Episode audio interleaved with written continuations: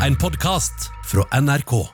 Flere kinoer har gjenåpna etter koronastengning. I dag skal vi se nærmere på den danske premierefilmen De forbannede år. Og Elle Fanning er en fryd å se i Hulus nye serie The Great, som går på HBO Nordic. Og vi har strømmetips. Kalifat er storkantspenning på Netflix.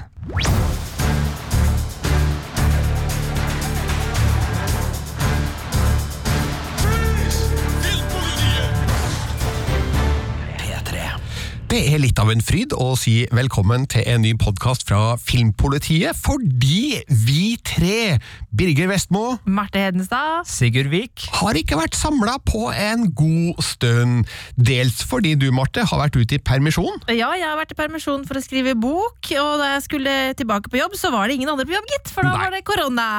Da var det korona, og nå de siste ukene så har vi jo sittet på hvert vårt hjemmekontor. Det vil si, du og Sigurd har jo vært her i studio på NRK Tyholt og spilt inn et par andre podkaster. Ja, vi har vært litt innom og spilt inn litt serietips og Westworld-podkast, men problemet var at vi kunne ikke være tre i studio, fordi da satt vi for tett. Men nå har vi plassert Sigurd på et bitte lite bord borti hjørnet!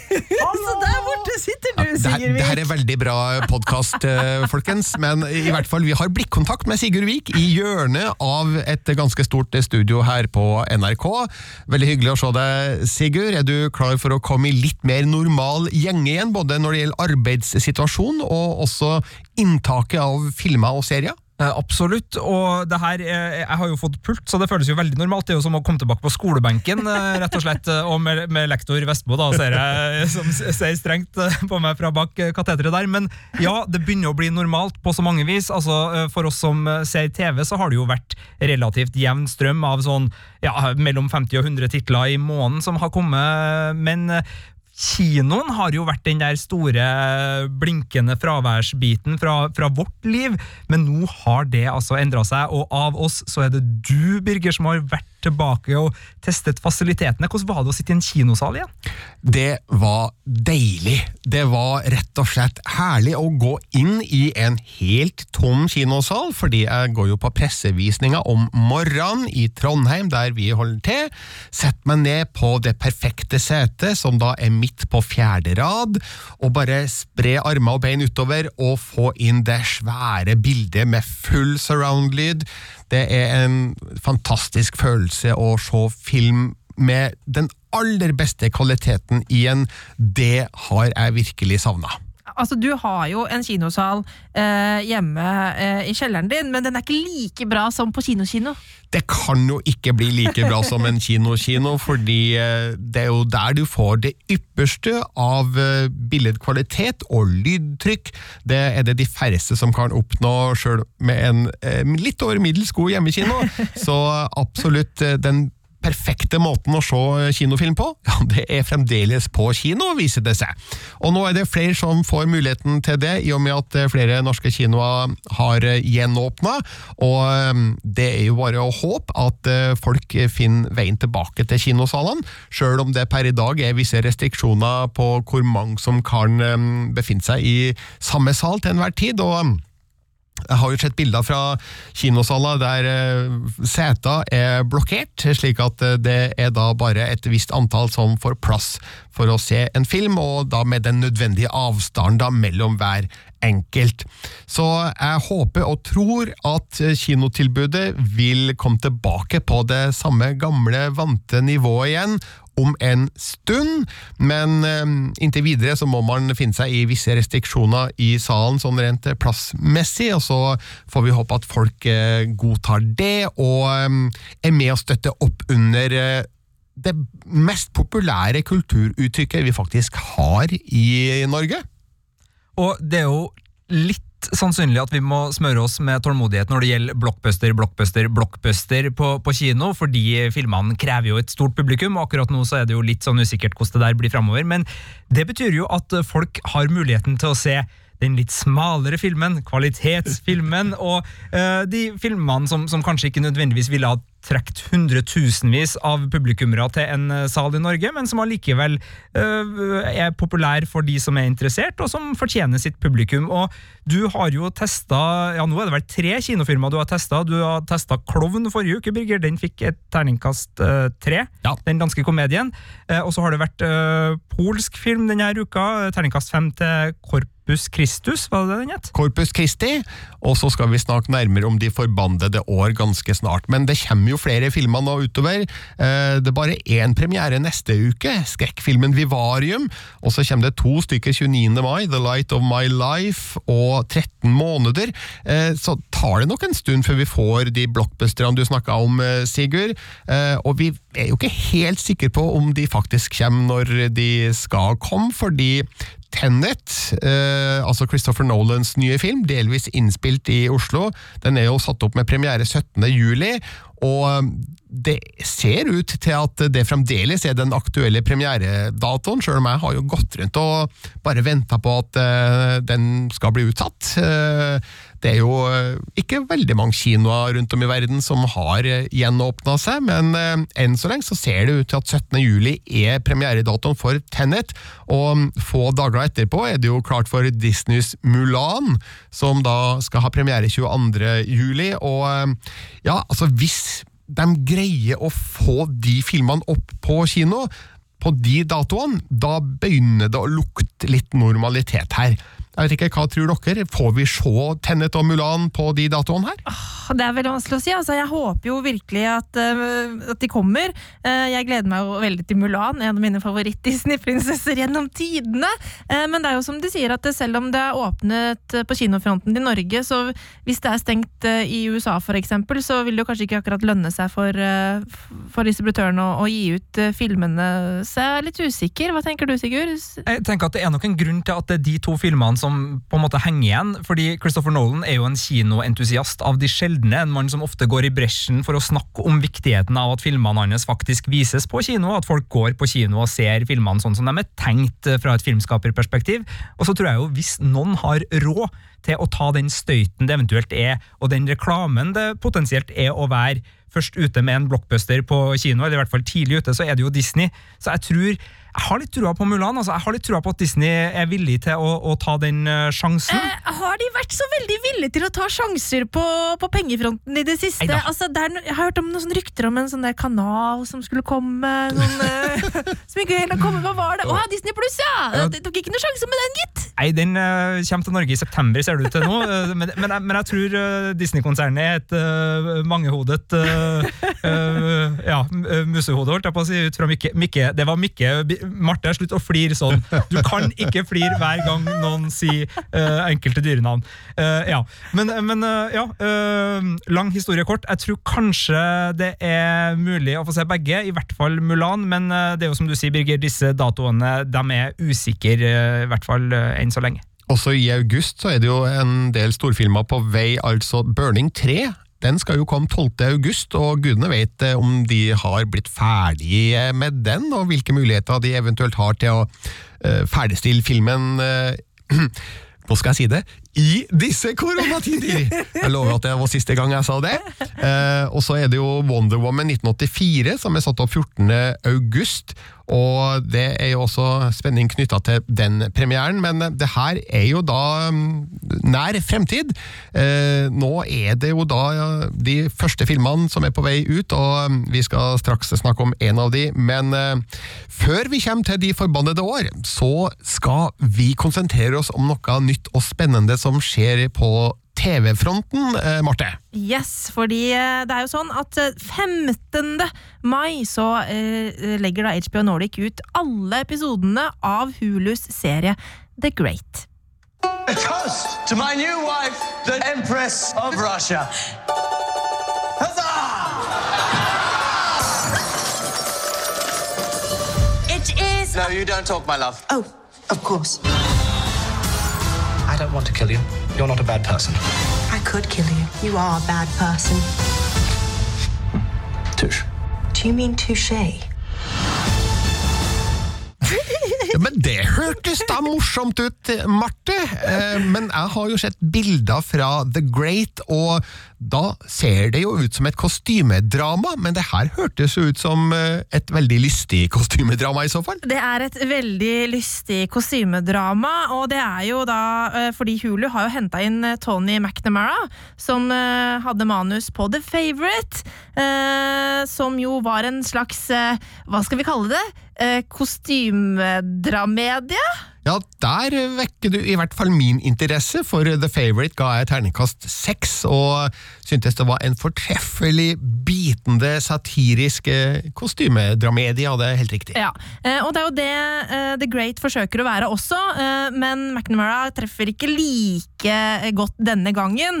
Det er ikke like bitende satire, det er litt mer fokus på eh, puling og kuk eh, i, i, på, i dialogfronten. Eh, det er veldig mye sånne plumpe dialogutvekslinger. Ja, du bare si det du, Marte. Jeg bare Kom igjen. sier det rett ut, eh, men det er likevel veldig morsomt. Eh, og det det handler om, det er jo da Catherine the Great. eh, og denne serien må da selvfølgelig ikke forveksles med den som kom i fjor fra HBO, som handla om Catherine the Great med Helen Mirren i hovedrollen. Den anmeldte vel du, Sigurd? Det stemmer. Den fikk en solid, men litt veik firer, fordi det var eh, sånn sammenligna med The Crown en litt sånn hadde et lite B-preg som storslått kostymedrama, men for all del, det var Helen Mirren, det var Katarina den store, og det var et eh, påkostet uh, historisk drama med, med flotte kulisser og kostymer. Ja, og det er absolutt påkostet med flotte kulisser og kostymer her også. Og det er jo da Elle Fanning som spiller en ung Catherine, uh, som reiser da fra Tyskland til Russland for å gifte seg med Peter den tredje, uh, spilt av da Nicholas Holt. Og eh, hun har jo en sånn utrolig romantisk fremstilling om hvordan dette ekteskapet kommer til å bli, og på liksom eh, ektenatta så skal det være så romantisk og nydelig, mens eh, Peter han eh, ser litt mer på det som en plikt som må utføres med kona, bare for å på en måte få smelt hun på tjukka, sånn at han får en arving, og så kan han ha seg med elskerinnene sine for gøy sånn ellers, da. Sånn at dette ekteskapet eh, var ikke helt det Catherine så for seg. Um, og så skjønner hun også rimelig kjapt at eh, Peter, som da er sønnen til Peter the Great, altså den kjente keiseren, eh, ikke er så veldig great. Eh, han eh, har lite peiling på hvordan det er å styre landet, og det er egentlig stort sett hans rådgivere som har noe å komme med, mens han er full av innfall og har et veldig sånt hva skal vi si, berg-og-dal-baneaktig humør. Og han har ingen nei-mennesker rundt seg, sånn at han kan fort eksempel eh, ta livet av noen hvis de ikke gjør som han vil, da. Så, eh, ja. Ikke sant? Og så kjenner vi jo kanskje historien om Catherine the Great, eller? Nei, gjør vi egentlig det? Gjør vi egentlig det?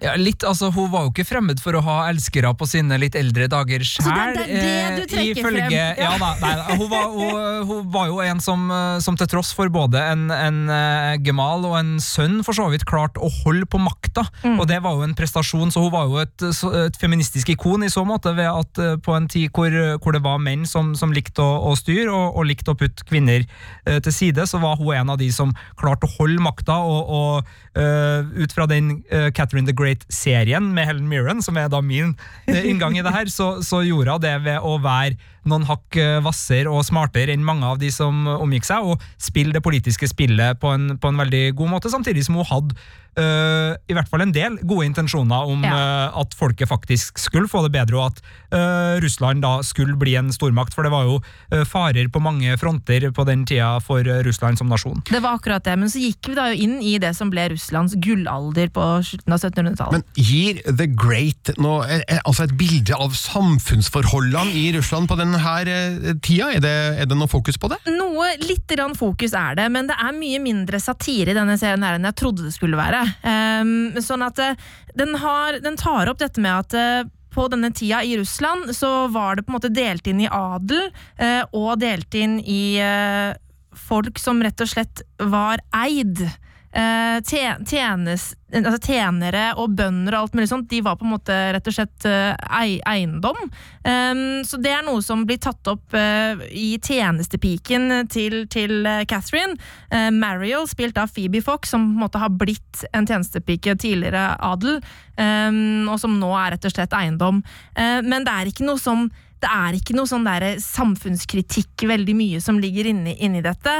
Eh, og ikke noe sånn det er mer fokus på plump humor og hurra meg rundt. Eh, og det som er undertittelen til serien The Great, det er jo da An occasionally true story. Sånn at det, Hvis man tror at man skal få den virkelige på en måte uh, coming of age-historien til Catherine the Great her, så må man tro om igjen. Fordi jeg har jo vært inne og lest litt om henne for å finne ut av litt hva som er sant og ikke, og sånn, og det er diktes ganske mye her. Og det er ganske mye som er endret på da, i forhold til historiske fakta. Uh, men det er ikke så viktig, fordi dette her er mer en morsom historie om et ekteskap som overhodet ikke fungerer, og om en dame som rett og slett har lyst til å eh, kuppe mannen sin, da, eh, og ikke i positiv forstand. Ellie Fanning er jo da barnestjerna som etter hvert har utmerka seg med flere spreke, modige valg i sin karriere. Eh, hvordan gjør hun seg, syns du, i The Great? Altså, Er hun en overbevisende Katarina? Absolutt. Eh, Jeg syns hun er skikkelig herlig å følge. Jeg koser meg veldig mye med henne på, på skjermen. Eh, Og det har noe med det at hvis man husker hvordan hun var i Maleficent-filmene, veldig sånn naiv og uskyldsren, hun på en måte bringer det med seg inn i Catherine the Great som ung pike. Eh, Og så får vi se hvordan hun på en måte vokser til å bli mer eh, hardbarka, da. Eh, Og det klarer hun veldig fint. Og så er det jo Eh, hun blir jo påtvunget å ha en elsker eh, i serien. Eh, Leo heter han, spilt av Sebastian de Souza. eh, fordi Peter mener at hun må få seg en elsker så hun slutter å være så utrolig kjedelig. Eh, og hun, hun er jo så dårlig humør hele tida, så hun må bare få seg en elsker. så f- f- på en måte så blir det på, på stell, da, så slipper han å ta det dårlige humøret hennes. Eh, og det er jo ikke akkurat noe hun var egentlig innforstått med. hun, hun prøver jo å skape et bra ekteskap, liksom, men det er fint å se hvordan måte Leo og Catherine finner hverandre og utvikler på en måte et vennskap og, og kjærlighetsforhold. Eh, og ja, hvordan hun vokser inn i det, da, syns jeg er skildra veldig bra. Um, så, så jeg koser meg veldig mye med Elle Fanning, men så må jeg, bare trekke frem Phoebe Fox som spiller tjenestepiken Mariel, for hun, hun er skikkelig, skikkelig kul. Uh, hun er uh, veldig sånn sarkastisk og morsom og har veldig sånn god komisk timing uh, når det gjelder replikkutvekslinger, og bare hvordan hun opptrer i bakgrunnen med uttrykk og sånne ting når, når, når det er andre ting som skjer. da. Så hun er litt sånn der scene stealer, og det, det er veldig, veldig gøy å se. Så nei, jeg koser meg med, med The Great. Det er jo det er jo på en måte den, der greia med at det er satt i en gammel tid, men altså sånn, mye av tematikken og hvordan de oppfører seg, og sånn er jo på en måte litt prega av vår tid. altså sånn hvordan de snakker og sånn. De snakker på en veldig sånn britisk posh måte, men de banner veldig mye og snakker veldig mye om sex og alt mulig sånn der, eh, på en måte som jeg ikke tror de gjorde på 1700-tallet, uten at jeg vet det helt for sikkert. Å, du skal ikke si det for sikkert. Jeg tror de kunne være ganske råe da òg. Ja, det er mulig, det. Ja, men jeg har lyst til å spørre deg om Nicolas Holt, fordi Ja. eh, altså, det er jo en skuespiller som de aller fleste av oss oppdaga for 18 år siden Ah, i filmen ja. 'Gutter er gutter', 'About a Boy', der han spilte av gutten eh, med, med Hugh Grant i den voksne hovedrollen. Ja, den var fin. Eh, det har, det har å si eh, hvilken film man oppdager en skuespiller i, fordi da er det det inntrykket som sitter igjen videre utover. Så jeg, jeg forbinder eh, Nicolas Holt med sånn koselig, hyggelig, eh, eh, varme følelser. Eh, og så har vi jo sett den i flere andre filmer, og han er kanskje mest kjent for rollen som Nux i Mad Max Fury Road. It's a beautiful day, sant? um, men så er det litt vanskelig å se for meg Nicolas Holt i en rolle som en sånn sleip flesk uh, Ja, altså, Peter? han, han, er, han er jo en veldig morsom figur. Eh, han er veldig fjollete, egentlig. Eh, fordi at han, han er en litt sånn barnslig person, eh, som har noen seriøse morskomplekser, by the way. Og han spiller med en veldig sånn derre Han er ikke så mye sleip som han er dum. Eh, Sånn at det, det kan være veldig gøy. Han er dum og litt slem og veldig egoistisk, men han spiller det på en morsom måte. Så jeg liker han veldig godt i rollen, men det kan bli litt mye noen ganger, fordi det er veldig overdrevet eh, og parodisk. og, og eh, altså, eh, det russiske hoffet kommer ikke veldig godt eh, ut av, av dette her. Da. Det er veldig mye liksom Husa! Og hver gang det drikkes, så skal det knuses glass. Og det er, så det er veldig overdrevet og mye. Så for noen kan det kanskje bli litt slitsomt, men, men jeg koste meg veldig, altså. Sigurd i studiohjørnet, hvordan går det? Jo, jeg skal nok uh, virkelig kose meg med The Great. Uh, det er jo eh, noe med uh, sjangerbrytningene i det når det puttes liksom eh, fjolleri inn i, i litt sånn ellers trauste omgivelser, som jeg liker veldig godt. Det være seg Uh, litt sånn uh, ja, sånn som The Favourite eller What We Do In The Shadow, som riktignok ikke foregår i gamle tider, men som har liksom de der vampyrsjangeren. Altså, det- jeg, jeg liker jo komedier som har som nesten hovedvirke å, eh, være uventa i møte med det man har av sjangerforventninger. Så, så jeg skal sjekke den ut. Og så ble jeg jo fascinert av uh, Katarina den store gjennom den uh, miniserien Helen Mirren uh, spilt. Hun henger vel også en del med Potemkin i den serien. Er det en person vi møter her, eller har, kommer vi ikke så langt, kanskje? Det er en eh, militærleder som slår seg opp. Ja, eh, det, det er nok seinere, fordi at den Ja. militærlederen som er med her, er veldig gammel. Ja, ja, ja, ja. Nei, så da får vi eventuelt vente på en sesong to med, med Potemkin osv. Men det er jo Ja, og, og filmhistorisk sus over Potemkin-navnet også, selvfølgelig, for Panserkrysser-fans og, og Sergej Eisenstein-entusiaster der ute. Eh, men ja, nei, jeg, jeg gleder meg til, til The Great, og så må jeg jo spørre Peter den store, altså er det her en sånn serie som gjør penisvitser ut av ting? Det er ekstremt mye penisvitser, og uh, Nicholas Holt, uh, som ikke er Peter den store, men Peter den tredje, han snakker ekstremt mye over hvor stor kuk han har. Ja. Så det er en sånn serie. Det er en sånn sånn serie, ja. eh, Der hvor The Favourite var veldig skarp uh, og treffende og smart, så er The Great mer flåsete uh, og tullete.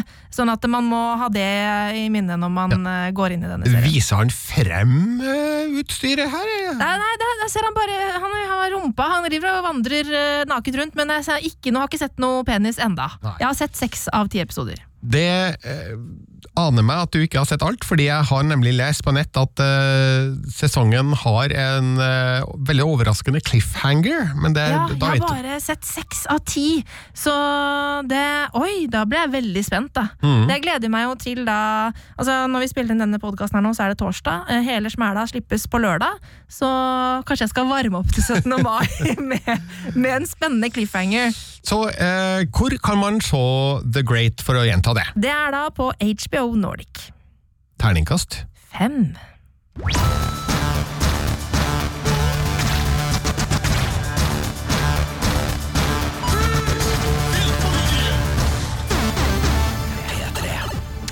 Denne podkasten spilles inn da eh, torsdag 14. mai i Trondheim, og i eh, denne stund sitter jeg og kikker ut av vinduet, og det snør. Det snør, mine Oh damer og herrer. Det er vinter i eh, Trøndelag i hvert fall, og oh, eh, det gjør det ekstra sårt for mitt vedkommende å tenke at eh, egentlig så skulle jeg nå vært på filmfestivalen i Cannes på den franske rivieraen.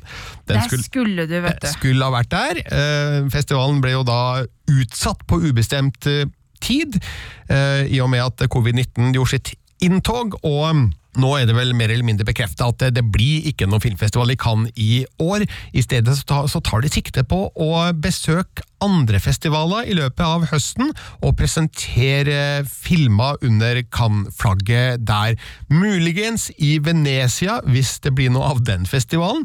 Muligens i Toronto eh, i Canada i, i høst, eh, hvis det blir noe av den. Vi får se. Men eh, siden det ikke ble noen filmfestival i Cannes, så um, fikk jeg jo i stedet muligheten til å gå på kino og se en dansk film som har premiere denne uka, og den heter De forbandede år.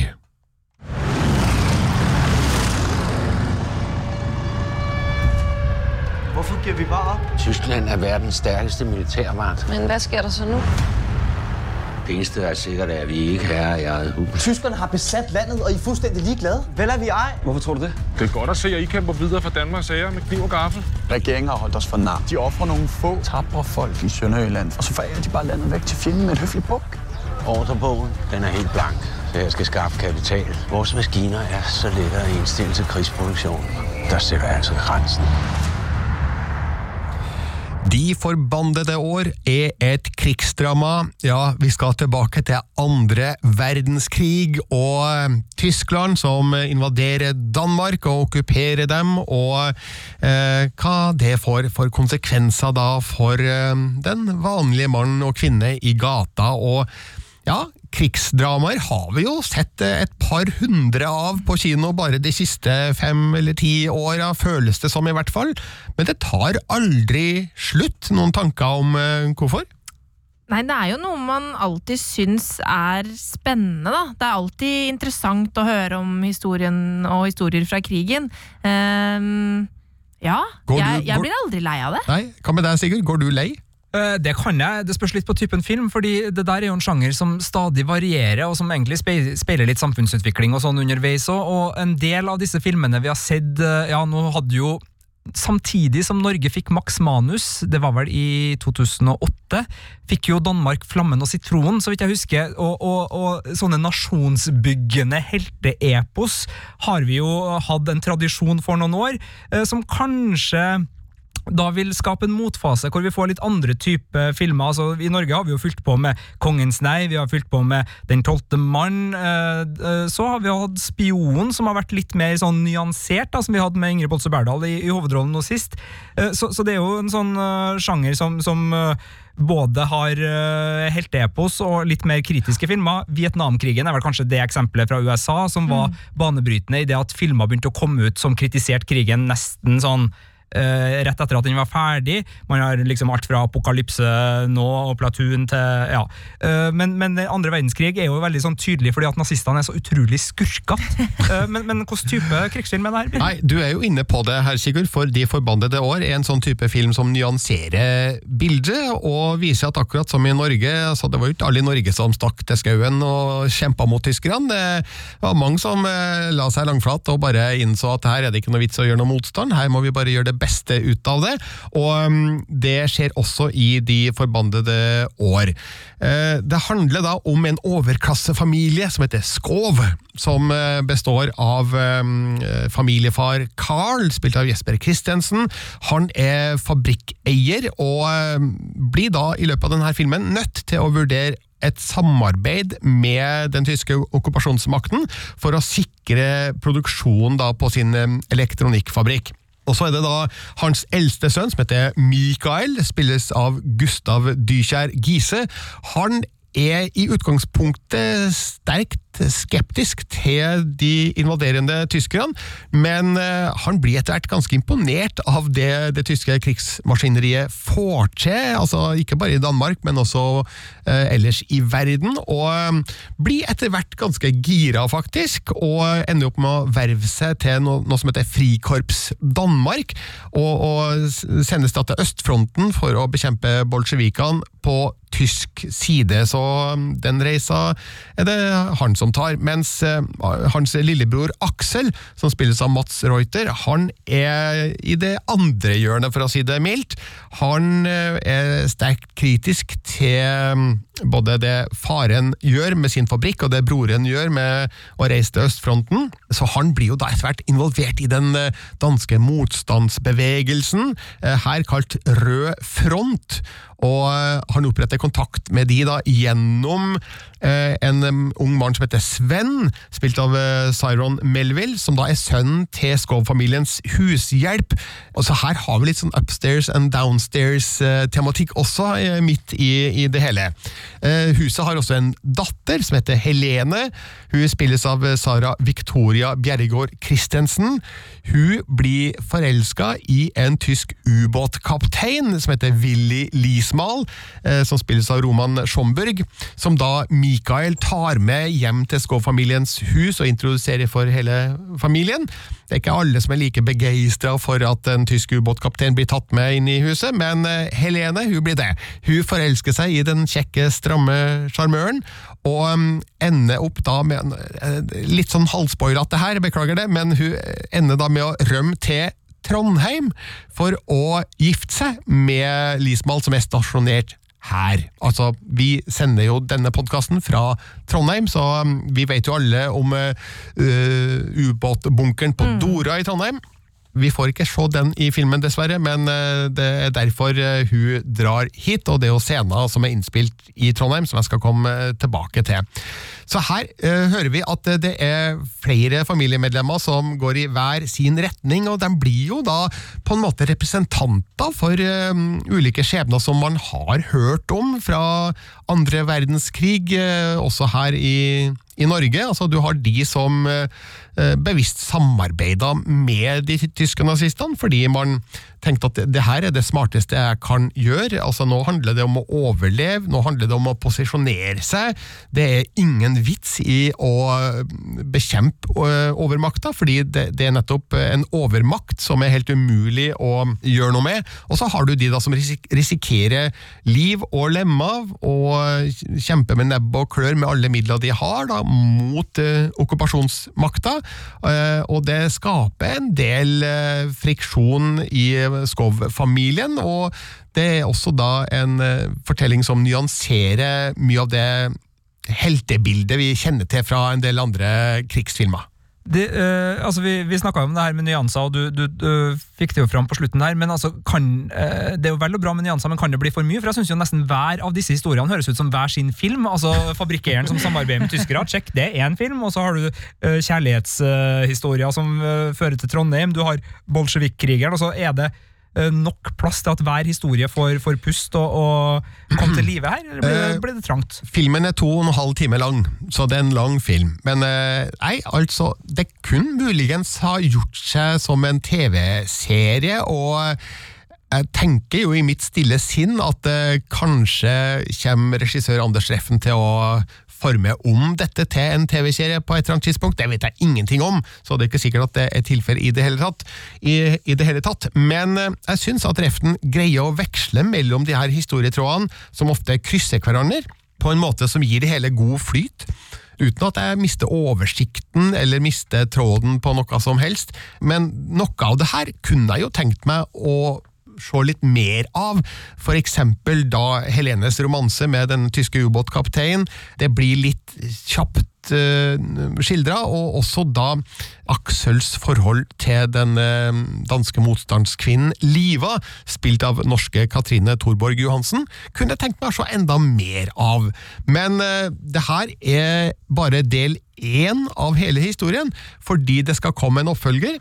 Det visste jeg ikke da jeg så filmen, at det skulle komme en film til. Så da den slutta, så satt jeg igjen med et spørsmålstegn. Hæ, slutter det her?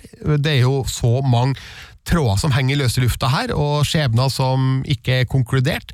Men eh, så gikk jeg på nett og så at jo da, nå er det bekrefta en oppfølger. Det har jo blitt en kjempesuksess i Danmark, det her, med 400 000 eh, solgte billetter. Så klart, da skal det lages mer, og da får vi håpe at eh, mange av de historiene som trekkes opp i den første filmen, blir avslutta, og det er visst lova en ganske dramatisk og handlingsmetta finale, fordi Aksel han forviller seg jo da inn i motstandsbevegelsen, og jeg regner med at det blir en del eh, sabotasjeaksjoner inn i bildet mot eh, slutten her, så dette er i hvert fall en veldig god start på en eh, historie som jeg syns har veldig mye pent i seg. Trondheim på film gjør seg også veldig godt.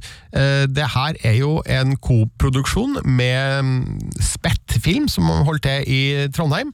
Og eh, de har brukt eh, Bakklandet og Nidarosdomen og Ringve museum, og alle de tre stedene tar seg veldig godt ut på, på film. Og det er også flere norske skuespillere med, som Øyvind Brandtzæg, Julie Mo Sandø, Mari Haugen Smistad, Ståle Tørring og Per Tofte.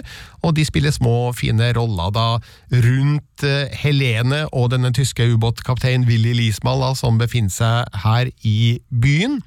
Uh, Sjøl om mesteparten er jo selvfølgelig da Danmark, men det gir jo litt ekstra for oss da nordmenn å se at uh, danskene de må til Norge for å få laga film. Jeg har jo øh, vindusutsikt til Dorabunkeren rett på. Er den òg sentral her? Nei, den er jo bygd ut litt, så den er jo litt, da må de øh, kanskje begynne å, å viske bort. Nei, dessverre så er den ikke med, og jeg skulle jo ha ønska det. altså vil jo gjerne ha litt ubåt-action, da, når de har sjansen til det, men eh, det oversteg kanskje filmens eh, budsjett, for alt jeg vet. Vi får aldri sånn noen ubåter i eh, denne filmen, og ja, det syns jeg jo er litt dårlig, da.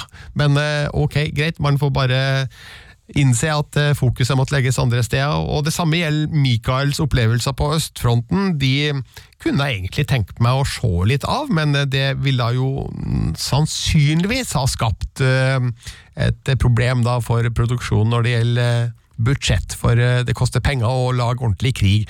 Det, det, det er ikke så mange krigsscener i denne filmen. Vi ser noen bombefly og det er litt skjøting eh, enkelte steder, men eh, det er ikke der eh, fokuset ligger. Det ligger på dramatikken, det ligger på det som skjer menneskene imellom i denne familien, og, og der syns jeg at de har gjort veldig mye bra.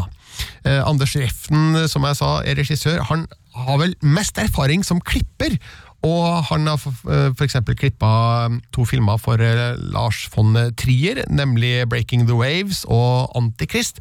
Og så var han også klipperen på eh, Max Manus, som vi nevnte, og også den danske krigsfilmen Hvitstengruppen, så han har erfaring også fra sjangeren. Og det er vel kanskje en av grunnene til at han turte hive seg på dette prosjektet som da får en oppfølger. Den skulle egentlig vært i produksjon nå, men uh, innspillinga ble utsatt pga. hersens coviden. Eh, så den skal nå i stedet starte uh, utpå nyåret, og så får vi da De forbandede år to-oppgjøret i 2022. Så vi må vente en stund da på, på avslutninga, men den som venter på noe godt osv., venter da helt i vater. Forhåpentligvis ikke forgjeves. Forhåpentligvis ikke forgjeves. Ja. Vente ikke forgjeves, det var det jeg skulle si. Noen som lurer på noe? Nei, jeg, jeg fikk litt lyst til å se den. Når man først skal komme seg på kino når det endelig åpner nå her i Trondheim, så åpner det jo for oss i morgen. Eh, Så det høres jo ut som en film som kanskje gjør seg best på kino. En film for deg, Sigurd? Ja, og kanskje en TV-serie for meg. Jeg syns jo det er Ja, fascinerende. Fordi hadde vært eh, det er jo i det siste, altså egentlig helt siden eh, et visst fransk betydningsfullt magasin hadde David Lynch sin tredje sesong, eller, min, eller sånn, ja, eh, Twin Peaks sesong tre, som jeg kaller den, da. Twin Peaks The Return, som den også blir kalt. Den havna jo på toppen av filmlista eh, for fjoråret, eller for tiåret faktisk, som vi var tilbake på. Og det skapte jo en enorm debatt blant en del seriekritikere og filmkritikere om hva er film, hva er serie. Kan man liksom kalle en uh, TV-serie for en film når man syns det er liksom bra nok, og så skal TV-serien være dømt til å være annenrangsprodukt ellers, osv. osv. Men det her er jo noe som virkelig legger seg i litt sånn mulighetene for flere. Da. For, for det første så er jo det med filmoppfølgere i dramasjangeren, det er jo noe som vi har hatt veldig mye av opp igjennom, men det har liksom ikke vært så mye av det på kino de siste årene. Det har vært liksom superheltfilmer og andre som har liksom delt i to, mens dramafilmer i flere deler, bare der blir jeg nysgjerrig. Det, det syns jeg er et fascinerende eh, format. Og, og hvis det da i tillegg blir muligheter for å, å brette ut til TV-serie, som ikke er uvanlig. altså Stig Larssons uh, filmtrilogi ble jo TV-serie, altså Menn som hater kvinner, osv. Og, så videre, uh, og det er jo noe som skjer innimellom, men, men jeg syns det, er- det er artig at det lekes med format, for jeg syns jo at ja, det er forskjell på film og TV-serier, de har ulike kvaliteter, kinoen og TV-skjermen er to forskjellige ting, men sjøl om man kan uh, både anerkjenne og dyrke forskjellene, og, og virkelig utnytte seg mediumene, så er det jo fascinerende at de er så beslekta at både de som jobber med det, omgås og, og jobber rundt hverandre, og at ting kan gå til begge deler. Så nei, jeg syns det her er et fascinerende i, i, i så henseende òg. Ja, men jeg har altså ingen holdepunkter for å si at det faktisk skal komme en TV-serieversjon av det her. Det var bare en fabulering fra min side. Ja, ja. Og, og fabulering fra min side. Og ja. fra alles sider. Men uh, det som eh, er klart, er at jeg, jeg skulle gjerne ha visst før jeg så filmen at uh, det her bare er halvparten av historien, for det var det ingen uh, informasjon om. Det måtte jeg finne ut sjøl etterpå. Jeg liker å være forberedt på det mentalt, sånn at jeg kan se filmen med det i bakhodet, fordi sånn som jeg så filmen nå, så, um, så forventa jeg at ting skulle trekkes opp og avsluttes og avrundes, men når det ikke skjer og alt blir hengende i hele lufta, så sitter jeg der med et sånt stort spørsmålstegn. Hæ? Hva, Var, var det alt? Ja, Det var jo fortvilt når Marte reiv en kinosal i Trondheim etter Avengers Infinity War. For det sånn, det kan ikke slutte sånn her! Bra! Og så, kjem, en til, kommer Endgame om, om et års tid. Ja. Nei, men, True bare- story. Ja, eh, nå, nå har jeg snakka mye om litt forskjellig her, men bare for å oppsummere, så er det her altså en, det, det, er en- det er en fin film. Det er et godt eh, krigsdrama, det er en eh, herlig familiekrønike, og eh, det er en terningkast fire-film som jeg tror de, de aller fleste vil finne en del eh, underholdende og engasjerende sida ved, så gå gjerne på kino og se De forbannede år.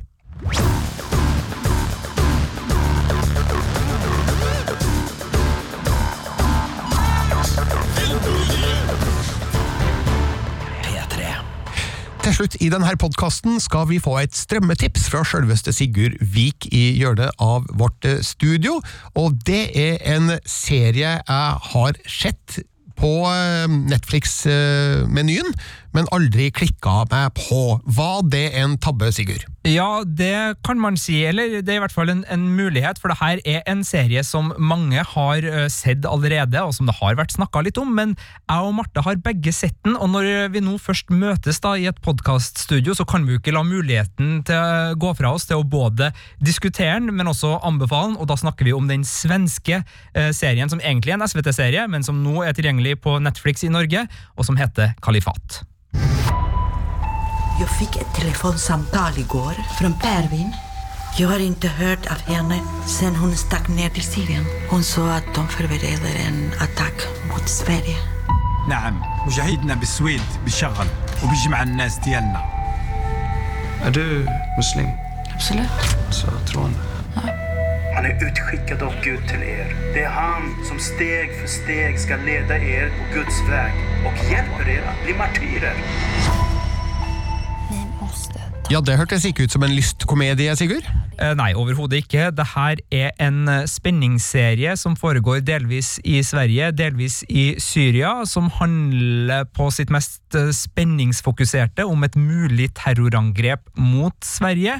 Og vi følger etterforskere som nøster opp i det, men vi følger også eh, livet til dem som har endt opp i Syria, mer eller mindre frivillig, og som lever der. eh, Da svenske eh, borgere, eller folk som har bodd i Sverige og, og tatt turen over, og vi følger eh, rekrutteringa som foregår i Sverige, hvor eh, muslimske troende med eh, ekstreme tilbøyeligheter eh, rekrutterer da unge svensker for å reise over til Syria og bli med i ja, eh, jeg vil tro serien henspeiler med, med navnet kalifat på, på liksom kalifatet, som da er i det klassiske en, en styreform i den islamske staten, der kalifen er en religiøs, politisk og militær leder, og, og staten da er leda av en kalif, som er Guds profet etterfølger, og sånn historisk så kan man si at eh, kalifatet, altså det ble brukt det begrepet da om, om eh, det islamske riket fra 632 eh, til i hvert fall 936, og noen også da videre til, til 1258, så det er liksom eh, en slags sånn idealstat da, som ligger og, og, og ruver i bakgrunnen uh, for uh, motivasjonen da, til, til en del av de aktørene som er involvert her. Jeg syns det her er en serie som både klarer å gi meg innsikt og uh, spenning. Eh, Hva tenker du, Marte?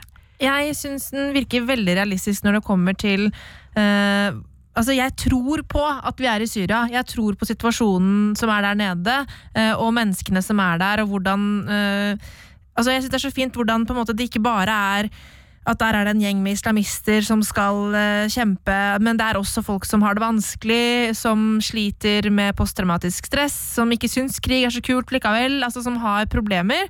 Eh, og så syns jeg er veldig godt skildra, eh, og så liker jeg også veldig, og synes det er veldig interessant den radikaliseringsprosessen vi får være med på eh, blant en gjeng med unge jenter, eh, som er veldig interessant, og som jeg også får inntrykk av er realistisk. Eh, det syns jeg er veldig spennende. Det jeg ikke liker like godt med serien, hvis jeg skal trekke frem noe som jeg syns er negativt, så er det selve den etterforskningsdelen, eh, hvor det er da Fatima som spiller etterforsker i det som er øh, svenske versjonen av øh, PST, holdt jeg på å si.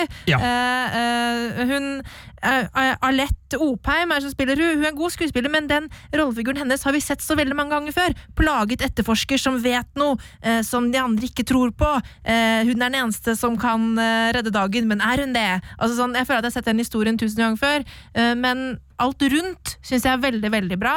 Eh, jeg syns det var utrolig spennende og også ganske opprivende eh, deler av, eh, av det vi fikk se i denne serien. Ja. Jeg synes Det er ingen tvil om at det er i Syria, og spesielt da rundt rollefiguren Pervin, spilt av Gizem Erdogan, som er serien på sitt aller aller beste. Mm. Da er det både en troverdighet i miljøskildringene, som du var inne på, og da må vi ta forbehold om at det her er en troverdighet vi opplever, og ikke Ja. en troverdighet vi nødvendigvis kjenner til. Og også jeg må be om unnskyldning hvis noe av det jeg sa om kalifatet ikke stemte på en prikk. Det, det var eh, lett leksikal eh, oppklaring der. Men, men der oppleves det veldig relevant og veldig riktig, og det er opprørende, opprivende, samtidig som det er eh, det er en lunhet i det, og det, det er personer man, man kommer inn under huden på og opplever som veldig ektig. Og så er det Homeland og 24 i Sverige. Det er jo ikke Ja. å komme unna det. Det er en serie som, Det det som, der, som legger seg eh, eh, radikalt eh, på en annen tone i, i deler av plottet sitt. Ja. Både når det gjelder etterforskninga av det her terrorangrepet, og konspirasjonene og konfliktene innad i den svenske etterretningen, for der er det selvfølgelig ikke bare bare å vite hvilke sjefer som er på din side, hvem som prøver å motarbeide deg. Det er noe renkespill der som er det, det kunne ha vært lett et Jack Bauer-plott. Ja, Eh, altså, Null problem. Tenkte jeg skulle spørre deg om det, Sigurd, fordi nå er vi jo nettopp ferdig med Homeland, og nå er straks Le Byrå ferdig. Eh, Kan vi bare jumpe rett over på Kalifatet og få samme type tematikk og spenningsnivå der? Jeg vil si at du får litt av Le Byrå og litt av Homeland hvis du hopper over i Kalifatet. Du, det er en, en serie som legger seg litt i- imellom, fordi den har øh, den her ytre, helt opplagte spenningsfilmdrivet i seg, gjennom øh, da spesielt øh, Agent Fatima, som jeg ser øh, på IMDb. Agent Fatima står, øh, står oppført som der. Eh, det er en blanding av Jack Bauer og, og Carrie fra, fra Homeland, Eh, men Eh, jeg synes Spesielt i, i siste Le Bureau-sesong, hvor vi har vært eh, en del i, i Midtøsten, og det har vi jo vært i, i flere Le Bureau-sesonger, så, så syns jeg miljøskildringene derfra og de problemene og de ganske realistiske utfordringene med f.eks. hvor skal man putte en mobiltelefon, eh, hvordan skal man eh, komme seg ut av en bygning altså det, det er litt mer det der hverdagslige som også må til i en, eh, etterretnings, en høyspent etterretningssituasjon. Da. Der er jo Le Byrå helt fantastisk. altså Jeg kommer aldri til å tørre å stille meg på ei eh, baderomsvekt på et hotell eh, uten å sjekke den nøye etter å ha sett årets sesong. Beklager, minimal spoiler der, men, men det er et eller annet Le Byrå har klart da, med å fange opp den der. Så må USB-en inn der, og så må du bort dit med den, som, som gjør at miljøskildringene smaker mye mer som en eh, hverdagsbetraktning enn som en eh, actionfilm. Eh, Og det har Kalifat, men de har også da nok driv, og, jeg tror nok det er sånn hvis jeg hadde sittet i SVT-ledelsen, hvis det var dem som da har bestilt den her, jeg er litt usikker på hvordan det har foregått, men den gikk i hvert fall på svensk eh, TV eh, først, så hadde jeg nå tenkt sånn, ja, men det her er en perfekt kombo. Fordi her får vi med oss veldig mange som vil synes det her er en spennende serie, og så vil vi også øh, gi dem som er på utkikk etter noe mer, noe næring til, til tanke og refleksjon og innsikt. Så, så Sånn sett så syns jeg balansen i Kalifat er veldig god, men jeg er jo enig med deg, Marte.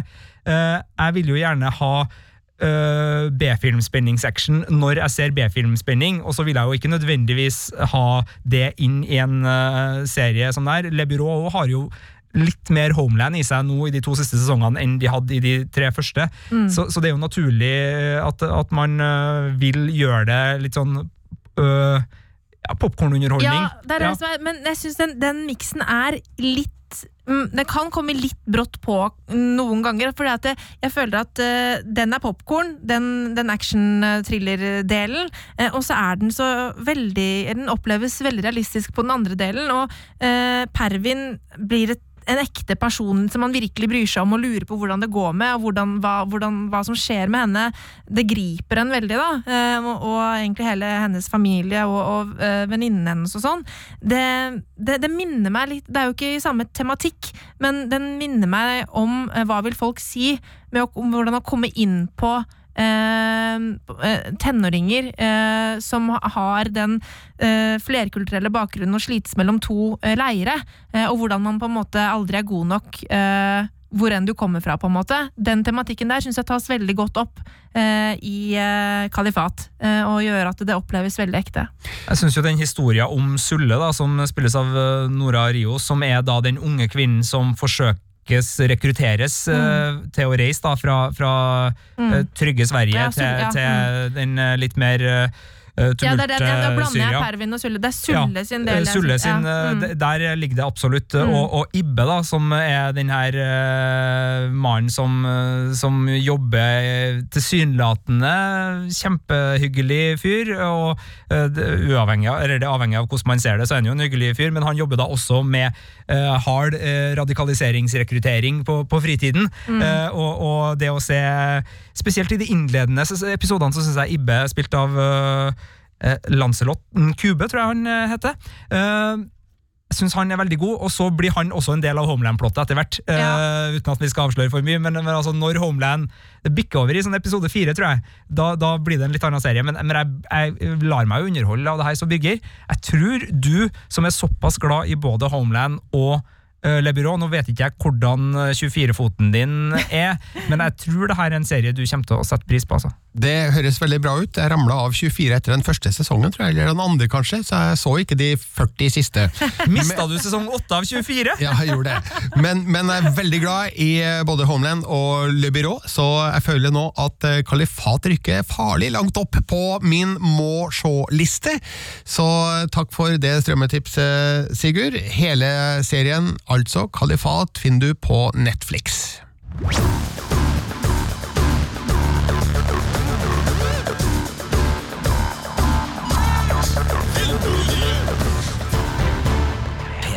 Kan jeg bare legge til en liten ekstraopplysning? Eh, eh, dette er jo en svensk serie, men hos meg så begynte den å spille på engelsk. Eh, med engelsk voice i Netflix. På, sånn at, og det ser du ikke med en gang, fordi de har på seg nikab i starten. Så uh, dobbeltsjekk det, at språket er på riktig, for ellers blir det veldig, veldig rart. Nemlig. Takk for den, Marte. Det nærmer seg slutten for denne podkasten, men det er jo deilig å konstatere at ja, det skjer ting på kino neste uke òg. Da er det én premiere, nemlig Vivarium, som er en eh, skrekkfilm med Jesse Eisenberg og Imogen Poots i hovedrollene. Og så skal jeg se eh, Netflix-filmen The Lovebirds, en eh, komedie med Issa Rae og Kumail Nanjiani. Så det skjer på min front, og så vet jeg at det er spennende ting på seriefronten nå, Sigurd. Ja da, eh, det er spesielt Netflix har et par eh, interessante nå. Eh, jeg skal nok ta for meg White Lines. Anmeldelsen kommer allerede i morgen, men det er en sperrefrist på den, så jeg har ikke lov til å si noe om hva jeg syns om den enda, men det er en serie fra serieskaperen til Papirhuset, Uh, som er jeg tror Netflix sin mest populære ikke-engelskspråklige serie. Eh, Den har i hvert fall blitt omtalt som det. Eh, Og produsentene fra The Crown. eh, Og det her er saftige såpegreier med orgier og kokainsniffende hunder og og så videre og så videre. Så, så den er nok en serie som mange kommer til å sjekke ut. Og så er det jo altså Parasittregissøren Bong Joon-ho. Han laga en film som het Snowpiercer for en del år tilbake. Den har nå blitt en TV-serie, og Marte, Den du skal jeg se, og jeg gleder meg veldig til det. Jeg ga jo Snowpiercer terningkast fem da den kom som kinofilm. Og det er jo en helt sånn absurd historie. Eh, altså, Verden har så å si gått under. Det er et tog med en evighetsmaskin som kjører rundt og rundt jorda for, med de siste overlevende. Og apropos maskin, eh, Maskineriet, norsk Viaplay-original med Kristoffer Joner om bord i Strømstadferga, kommer også, så ja da. Det er mye å ta tak i her. Vi er tilbake med en ny podkast eh, torsdag om en uke, og så kan du høre oss selvfølgelig alle søndager på P3 fra klokka 12 til klokka 15. Og eh, så er det også en Instagram-konto du bør eh, merke deg, og det er NRK Filmpolitiet. Du finner oss også på Twitter, og så kan du sende oss e-post på filmpolitiet at nrk.no. Vi som har vært i studio i dag Marte Hedenstad. Sigurd Vik. Og Birger Vestmo.